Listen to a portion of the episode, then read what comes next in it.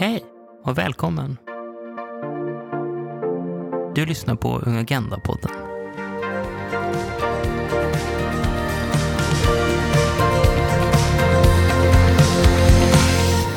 Hej allihopa! Nu är vi tillbaka igen och nu är det ännu en gång ett FN-avsnitt.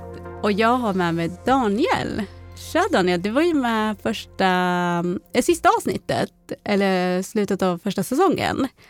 Och eh, då fick vi inte riktigt lära känna dig, så jag tänkte den här gången ska vi lära känna dig och ditt uppdrag lite mer. Ja, hej och så kul att vara här. Eh, jag, det är första gången jag träffar både Seinab som sitter här och Feben eh, sen jag började på grund av covid. Så det är så kul Ja, att att få sitta i en poddstudio. ja verkligen. Och sist var du ju med via digitalt, så vi har bara sett liksom ditt ansikte. Typ, Ja. Vi vet inte hur lång du är, vi vet inte liksom... Nej, samma med er. Ja. så det kändes lite annorlunda. Bara, oj. Och sen liksom det här med kramas och inte kramas som vi diskuterade innan. Så här, hur hur det Ja. känns nu. Men eh, vem är liksom du egentligen? Liksom, vad, hur hamnade du på det här uppdraget? Jag har varit engagerad i KFUM eh, som är en av LSUs medlemsorganisationer i ja, väldigt länge. Det började med att jag som barn gick på deras sommarläger eh, och sen så tyckte jag det var väldigt kul och eh, bestämde mig att eh, söka och bli ledare. Så när jag var 18 någonstans där så, så blev jag ledare på KFUM Alnäs i Uppsala. Mm. Och där det är eh, allt från segling till idrott och så vidare. Och sen så, i och med att KFUM är ju en stor ungdomsrörelse i, i globalt också, Mm. så har de möjligheter till exempel att eh, åka på olika eh, konferenser och så vidare. Så att då fick jag möjlighet att åka på COP, som är FNs klimatmöte, två gånger. Och sen så hörde de av sig eh, till mig från eh, KFUM och, och tipsade om, om den här posten som jag har nu. Aha, okej. Jag visste inte exakt om alla poster som fanns då, Mm. eh, men eh, jag visste om klimatkoppposten Mm. eh, bland annat och så. Men så blev jag tipsad om den här och så sökte jag och sen så, ja, på något sätt så, så fick jag, Chansen. Ja.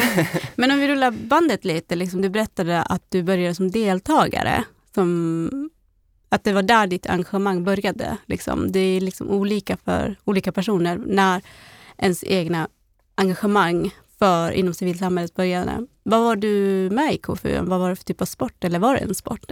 eh, nej det var ett sommarläger. Mm. Alltså det, det finns en gård i Uppsala som ehm, ja, har massa olika läger. Det är ett väldigt stort läger och det finns ja, allt från pyssel, cirkus, segling och så vidare. Eh, Mm. så där gick jag eh, några somrar och tyckte det var väldigt kul Mm. och eh, blev ledare. Och så på den vägen Mm. var det. Hur kommer det sig att du valde att bli ledare? Liksom, tyckte du att det lät spännande? Eller var det Ja, för att jag hade haft så kul liksom, som barn själv. Så du ville jag ville veta hur det funkar? Liksom. Nej men jag ville vara kvar på gården Ja. fast i, på ett annat sätt liksom. ja. Och hur gammal var du då? Jag blev ledare kanske 18, Mm. något sånt. Ja. Ja. vad kul. Jag, tycker, eller jag var med i någon slags engagemangsnätverk i, härom veckan. Och då pratade vi om så här, vart ens engagemang börjar. Och speciellt så för ungas engagemang. Så det är därför jag blev så himla intresserad. Så här, att ta det där klivet och från att vara deltagare till ledare. Liksom. Att det är ett ganska stort kliv. Det är inte många som gör det. Nej men det, det är fantastiskt att sådana organisationer som KFU till exempel ger dem möjligheterna till unga Mm. att, att ta ansvar och, och jobba med, ja, som ledare i det här fallet Mm. och mycket annat. Ja. Och ja, jag tänker, vad är KFUM? Du nämnde att det är också en global rörelse, men kan du berätta lite kort? Liksom? Jag fattar att det är en jättelång historia. Jo. KFUM började. Eh, det är väl en lång historia men eh, KFUM finns i stora delar av världen eh, och eh, liksom det de jobbar med kan skilja sig från olika ställen. Mm. Eh, men eh, det man kan säga liksom globalt som håller samman det är att det är liksom en, en, en ungdomsrörelse eh, där unga lyfts upp och får möjligheter på Mm. olika sätt. Jag tänker också på, du nämnde det där med klimat.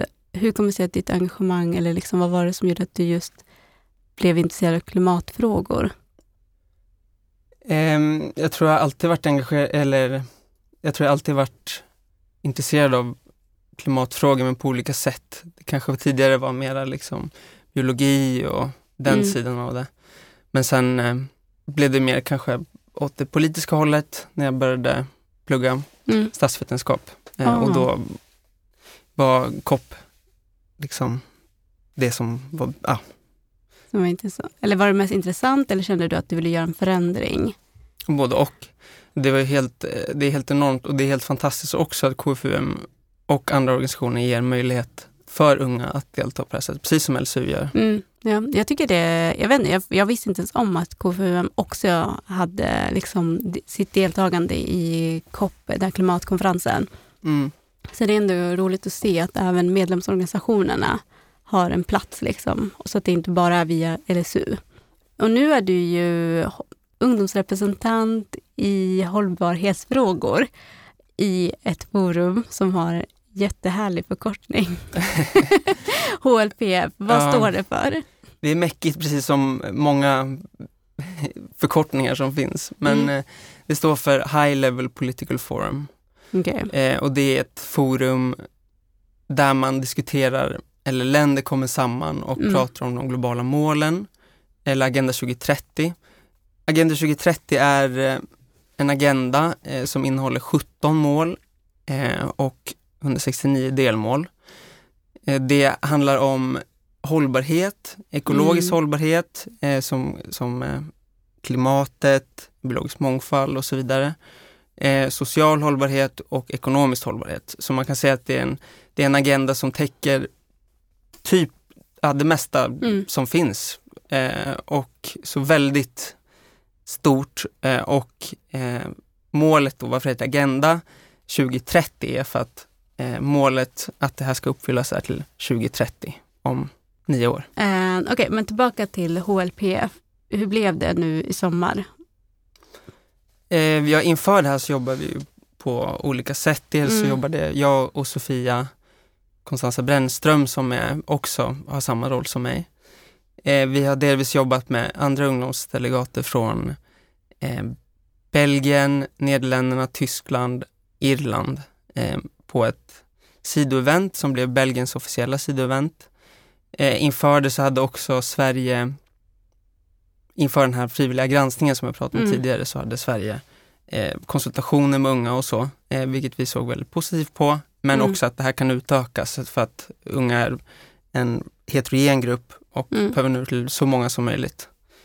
Ehm, men eh, ja, i alla fall då så jobbar vi med eh, det här sidoeventet inför och sen så började HLPF och vi åkte ner då till Bryssel. Mm. Under ja, de här två veckorna så var vi där den första veckan eh, och eh, det blev väldigt lyckat, eh, sidoeventet. Eh, det är ett sidoevent som diskuterar ett initiativ som World Youth for Climate Justice eh, ja, och som studenter från önationer i Stilla havsområdet startade. Mm. Eh, och det handlar i korta drag om att koppla ihop mänskliga rättigheter med eh, konsekvenserna för klimatförändringarna. Eh, och det här diskuterades då av olika panelister och talare, eh, bland annat eh, Mary Robinson. Eh, och det här blev väldigt bra och det går att se i efterhand också. Eh, och sen, Vem är Mary Robinson? Mary Robinson är eh, Irlands före detta president. Mm. Okej. Och sen forumet sen var ju på distans då, så Mm. att det här var ju ett allt annat var på distans eh, och jag och Sofia då var med i den här delegationen dit tillsammans med representanter från eh, ja, väldigt många olika sektorer i Sverige. Inför det här så spelade jag in ett anförande. Mm. Eh, det går också att se på Instagram på, hos Instagram kanske? jag vet, ja. Mm. Både sidoventet och mitt anförande går att se och kommer länkas till eh, i samband med att det här poddavsnittet släpps. Innan eh, HLPF så spelade jag in ett anförande Mm. eh, som handlade om eh, dels ungas inkludering, de ökade ojämlikheterna eh, och eh, klimatförändringarna. Vi, det var mycket arbete som lades inför det, det var en Ja. hel produktion. Eh, Ja. Så det här var, skulle jag säga, en av de bättre, välproducerade sidoeventen. Men gjorde ni det forumet. själv eller hade ni liksom, hur Ja. mycket utrymme hade ni? Det Eh, var- dels, alltså repparna? Ex- jo, det, var, det gjordes helt själv av repparna och sen Mm. så var det folk som jobbade med inspelningen. Ah, okej. eh, men det var Belgien som, för varje land har en officiell ehm, spot kan man Ja. kalla det. En plats eh, för ett sidoevent. Sverige hade Okej. Sida till exempel Mm. och Belgien gav då platsen till eh, oss. Ja. ja, men det är ju jätte... Så det var fantastiskt. Det är lite ovanligt att de ger plats till ungdomsrepresentanterna. Så här, äh, varsågod, typ. Ja, jo, eh, Mm. Belgien just, de gjorde det förra året också Mm. faktiskt. Så det är cred för det i alla fall. Och sen när det var klart, hade, hur många dagar var det tills det blev liksom själva forumet? Liksom? Alltså det här var under forumet. Jaha, Eh, Så att medans vi var där och spelade in det Mm. så, så följde jag och Sofia andra eh, Mm. event eh, och så skrev vi kortrapporter och liknande. Mm, så att det här var under eh, Mm. forumet. okej. Och sen åkte vi tillbaka till Sverige och så var det sista veckan. Ja. För, för förra året, då var ju själva liksom forumet digitalt. Jo, men det var det ja, nu också. Det var också det nu, även om ni kunde resa till Belgien. Liksom. Exakt. Mm. Exakt. Men det var ju liksom utöver delegationen Ah, okej. som vi åkte. Mm, så ni var ju liksom bjudna av ungdomsrepresentanterna, alltså ja, de för att belgiska? vi var med och ja, ordnade ja. för inspelningen. Så det var inte via svenska delegationen? Nej. Hur, Nej. hur kändes det då? Att liksom kunna göra saker på plats men också veta att själva håll, liksom hållbarhetsforumet blir digitalt. Mm. Hur kändes den liksom? Eh, nej, det var ju kul att någonting inte, bara- att allt inte bara var på Mm. datorn. Exakt. Det här är någonting jag tänker som är en av de stora nackdelarna med forumet. Att, Ja. Att man ser att, ja det var ju digitalt i år Mm. eh, och det var digitalt förra året. Då tänker man att efter ett år så ska man kunna ha rutin på vad man ska göra och så. Ja. Men tyvärr så såg man att det var eh, på ett väldigt ojämlikt sätt som eh, Alltså vilka som representerades, alltså bristande eh, internetuppkoppling ja. ehm, och, och så vidare. Och det, det ledde ju till att liksom eh, mer utsatta grupper ehm, inte hade möjlighet att synas i Mm. det här digitala ja, forumet. Var det några andra liksom highlights eller var det några low po- points till arrangörerna som du tänker på? När jag tänker highlight, då tänker jag, eller ja, för, för mig personligen så var det kanske då att Mm. Bryssel Ja. och allt eh, vi lyckades åstadkomma där. Ja. Och det tror jag Sofia håller med om också. Mm.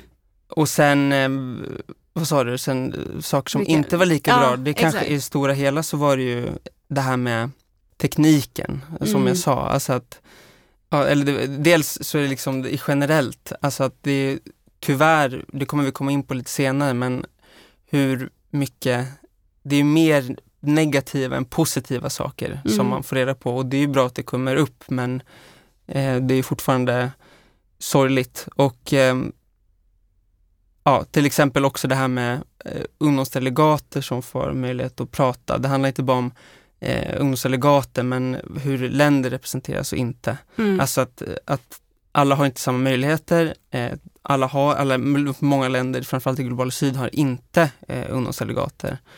Eh, och det här är någonting som är väldigt viktigt att arbeta för. Eh, även ja, Sverige, FN och så vidare. Mm. Det har gått ett år, man måste hitta vägar att ett forum som jobbar för allas inkludering måste ju kunna inkludera alla. Mm. Det forumet handlade tydligast mest om var ju covid-19-pandemin Ja. och eh, hur det här har lett till stora ojämlikheter i världen, eh, mellan länder, mellan grupper Mm. och så vidare. Och där vi ser hur eh, mer marginaliserade grupper såsom ja, äldre, eh, unga, eh, kvinnor och så vidare har drabbats mycket hårdare. Mm. Samma gäller klimatkrisen. Eh, och eh, det som pratade mycket om var också hur eh, eh, barn och unga eh, har hamnat efter i sitt lärande Mm. eh, på grund av det här.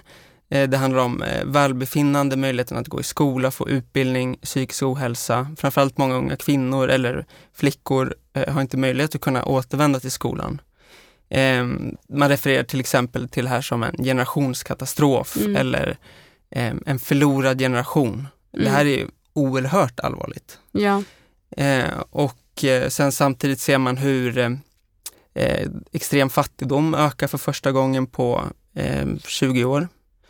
Eh, och i de här VNR som jag pratade om, Ja. eh, de frivilliga granskningarna av länder, så i de här VNR, de frivilliga rapporteringarna som jag Mm. pratade om tidigare, som delvis Sverige gjorde, så var det en, en majoritet som skrev i de nationella granskningarna då hur ojämlikheten ökar, inklusive Sverige. Mm. Eh, det var en av punkterna som Sverige eh, måste bli bättre på. Vi ser en ökad ojämlikhet i Sverige. Eh, sen eh, eftersom fokus låg mycket på covid-19 eh, så var det andra saker som hamnade i skym- skymundan, till exempel eh, en grön återhämtning. Mm. Eh, det var inte jättemycket fokus på det. Eh, det skulle behövas mycket mer. Eh, vi är inte eh, på väg att uppnå alla målen som ska uppnås. Och det man pratar mycket mer om då, om man pratar om eh, ojämlikhet som vi pratade om tidigare, så uttryck som används mycket är eh, till exempel att ingen är säker förrän alla är säkra. Mm. Det kanske ni har hört här Ja, också. det har vi hört. Eh, och det här blir så tydligt då, liksom tillgång till vaccin, Mm. till, tillgång till sjukvård eh, och så vidare och hur pandemin har drabbat ekonomiskt eh, väldigt hårt vissa länder eh, till skillnad från andra som har klarat sig mycket bättre. Mm. Sen är det en global kris men de här ojämlikheterna kombinerat med hur eh, mångas röster kanske inte kom till tals på grund av tekniska saker och så blir ju väldigt eh, jobbigt att se. Liksom. Mm. Men var, det, var du med och skrev den här frivilliga granskningen eller hur fungerade det? Är det Nej, ni med på något hörn typ? Eh, Vi var inte med och skrev det, men däremot eh, så har eh, sen i slutet av förra året, 2020, eh, LSU och Sofia tillsammans med eh, Svenska FN-förbundet och Utrikesdepartementet Mm. eh, gjort en, eh, en konsultering, eh, Mm. både i, på, på plats, liksom, att man bjuder in unga för att diskutera olika frågor eh, kopplat till Agenda 2030, till exempel eh, klimatet, ojämlikhet, jämställdhet och så vidare. Mm. Eh, men också en enkät som då spreds eh, för att få fånga en, en större mängd unga. Mm. Eh, och det här är ju och det här inkluderades i den svenska rapporteringen, eh, i den här VNR eller frivilliga rapporteringen. Ja. Eh, och det var det jag kom in på lite tidigare där, att ja, det här är ju fantastiskt, men nu måste vi jobba för att utveckla ännu mer. Ja. Att nå ännu fler unga, för att som jag sa tidigare också så är unga inte en homogen grupp. Eh, och ja, liksom alla grupper så har, det finns det olika perspektiv som måste täckas och det finns eh, utvecklingspotential. ja, men jag tänker också så här nio år. Alltså det är ju ändå kort tid att försöka uppnå de målen. Liksom. Men det blir ju som pandemin så händer det massa backlash. Alltså det blir som hela pandemin blev en stor backlash för Agenda 2030. För att i och med att bara att du sa så här, eh, ojämlikheten ökade ännu mer på grund av pandemin visar ju att det blir liksom svårare då. Ja, verkligen. Eh, och, och man ser hur mycket som positivt arbete som har gjorts Mm, börjar gå tillbaka. mm, Eh, jag, jag tog några exempel tidigare. Eh, men eh, till exempel jämställdhet i många delar av världen går tillbaka. ja, Eh, ungdomsrepresentanter och ungdomsrörelsen pratar om liksom att vi måste få en ökad inkludering mm, och så vidare. Men samtidigt behöver vi säga det år efter år, År, efter ja. år. Vilket är sorgligt. ja, Eh, men eh, det här går ju också lite ihop då det här med det här heterogena perspektivet att det inte finns ungdomsrepresentanter från nu borde man utveckla det också så det inte Mm. bara finns en ungdomsrepresentant men Oj, att det inte finns i många delar av världen. ja, Unga i ett annat land än Sverige har ju andra eh, erfarenheter och perspektiv än eh, vad vi har i Sverige till exempel. Så Ja. det här är oerhört viktigt. Men det du Precis. sa också tidigare med, eller bara för att liksom sammanfatta det då slutsatserna från forumet är ju då att man pratar om hur krisinsikten, mm, allt det här med ojämlikhet och så vidare har ökat, men att genomförandet eh, har bromsats in. ja. Ja. Det, men fanns det några i alla fall, liksom, alltså det blir alltid så himla tungt när man pratar om de här ämnena och jag inser också typ med klimatrepparna, man hamnar alltid så här doomsday-liknande. att man blir så här, det finns inget hopp, men finns det något hopp? Alltså finns det något hoppfullt från forumet som du kan lyfta liksom för lyssnarna? Och för mig, typ. Ja, Nej, men jag, jag tyckte alltså till exempel att många unga fick komma till tals från våra, eller ja, från, att många unga från Europa fick, eh, eller att eh, många unga från vissa delar i världen i alla fall fick komma till tals. Exakt. Eh, var positivt. Sen så finns det ju många positiva eh, saker också. Mm.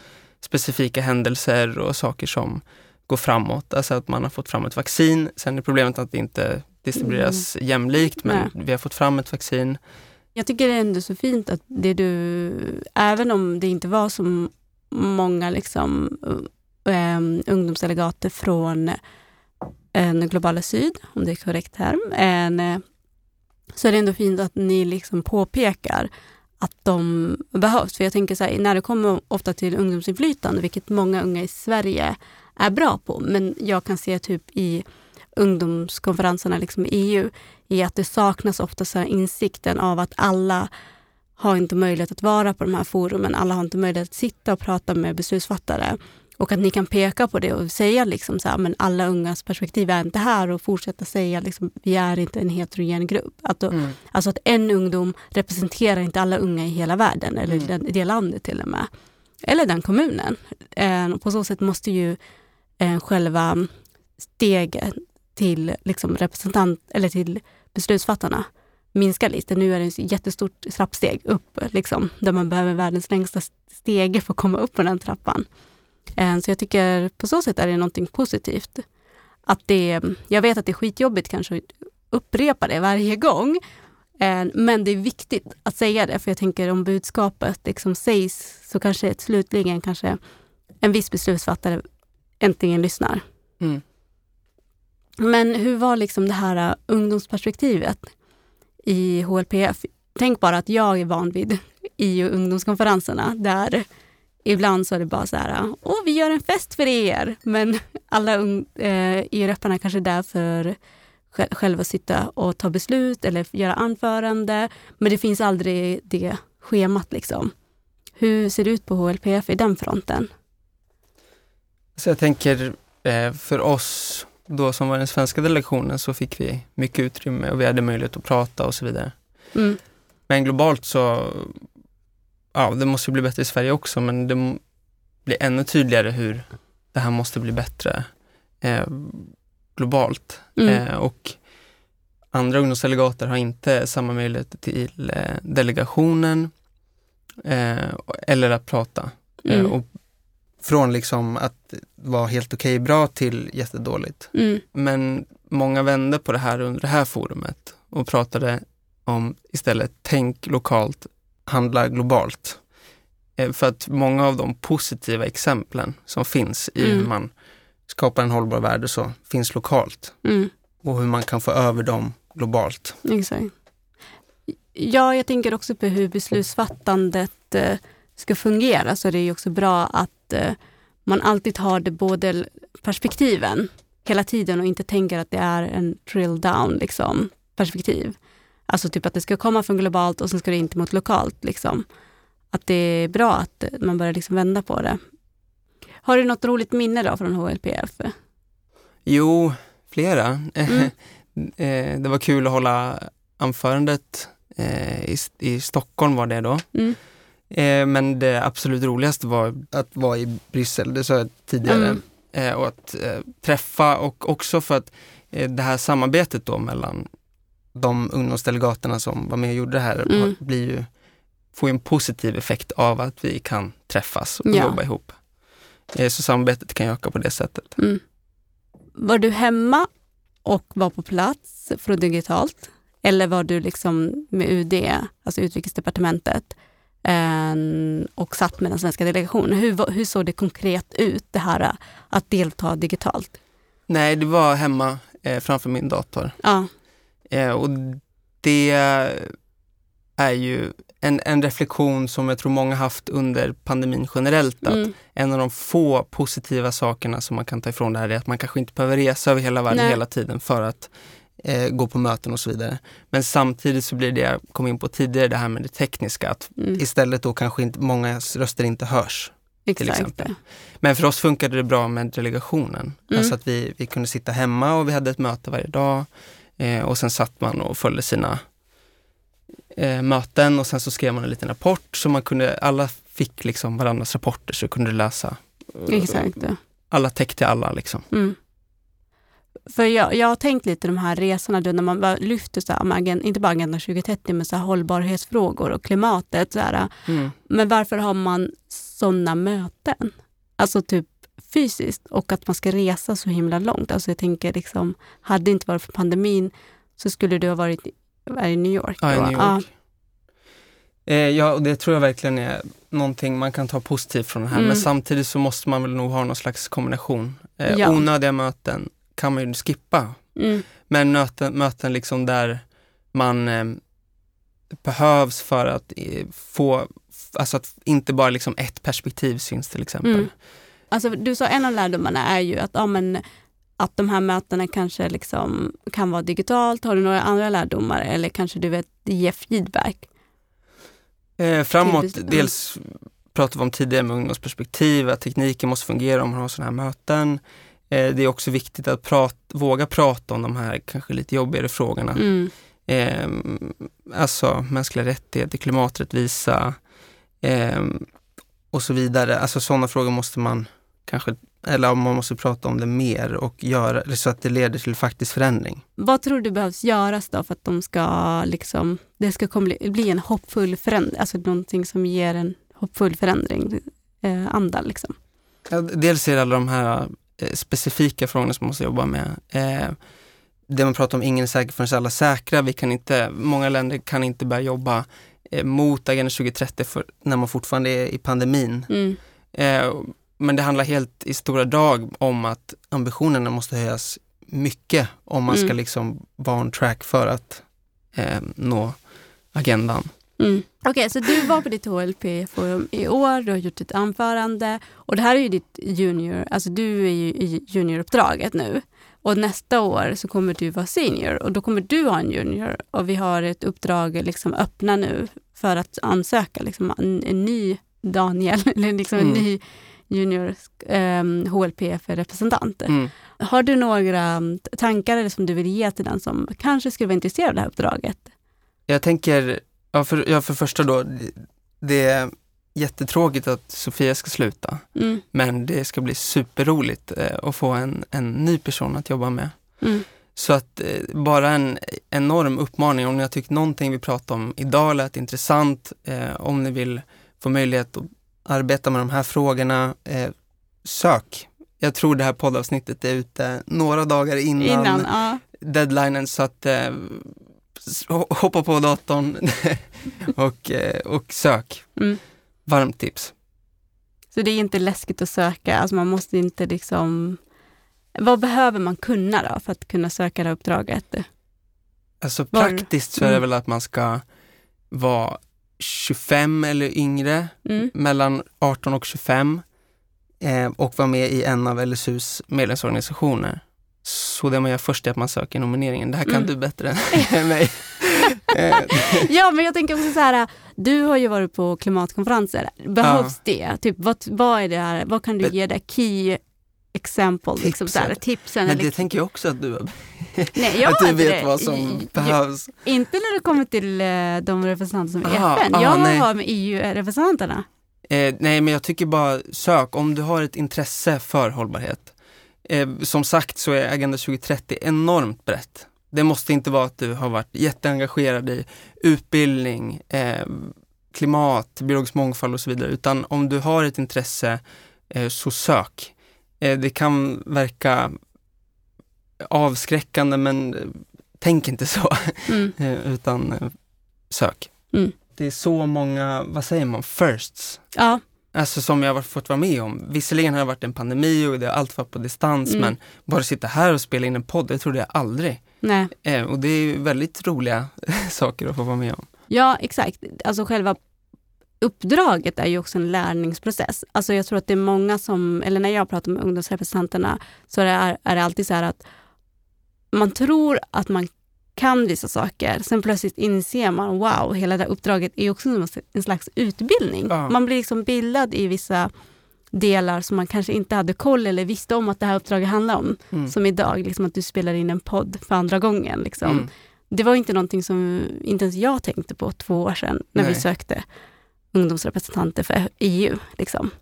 Så det är också det där att det kommer och vi lär oss av varandra det är det fina med ungdomsrörelsen. Liksom. Mm. 100 procent. Jag tänker där också att det skulle jag tro är till och med enklare att komma in nu eftersom det här junior-senior Ja. systemet finns. Så ja. Det här systemet gör ju att man kan bolla och, och hjälpas åt. Mm. Ja, exakt. Det blir någon slags också lämna över stafetten och det blir också en upplärning. Liksom. Och att man får bli upplärd, inte bara liksom att få stöd av någon som jobbar i kansliet eller styrelsen, för det är ett helt annat perspektiv. Men att få Som någon... också är fantastiska. Ja. Men att få någon som har gjort det här, Mm. att liksom stötta upp någon, det är helt fantastiskt, Mm. alltså, tycker jag. Eh, jag önskar att jag hade en kansli-senior. Jo. Vad har du på gång nu då, efter det här avsnittet? Vad vill du att kära lyssnare ska veta?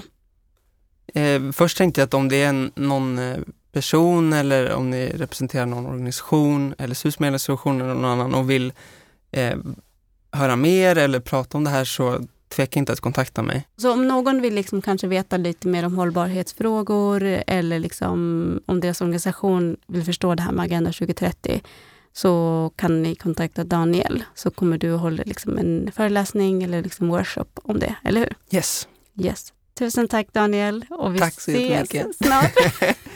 och så kul att ses i Ja. person. Ja, verkligen. Ehm, och nästa avsnitt blir ett EU-avsnitt och då är Hanna och Elsie tillbaka.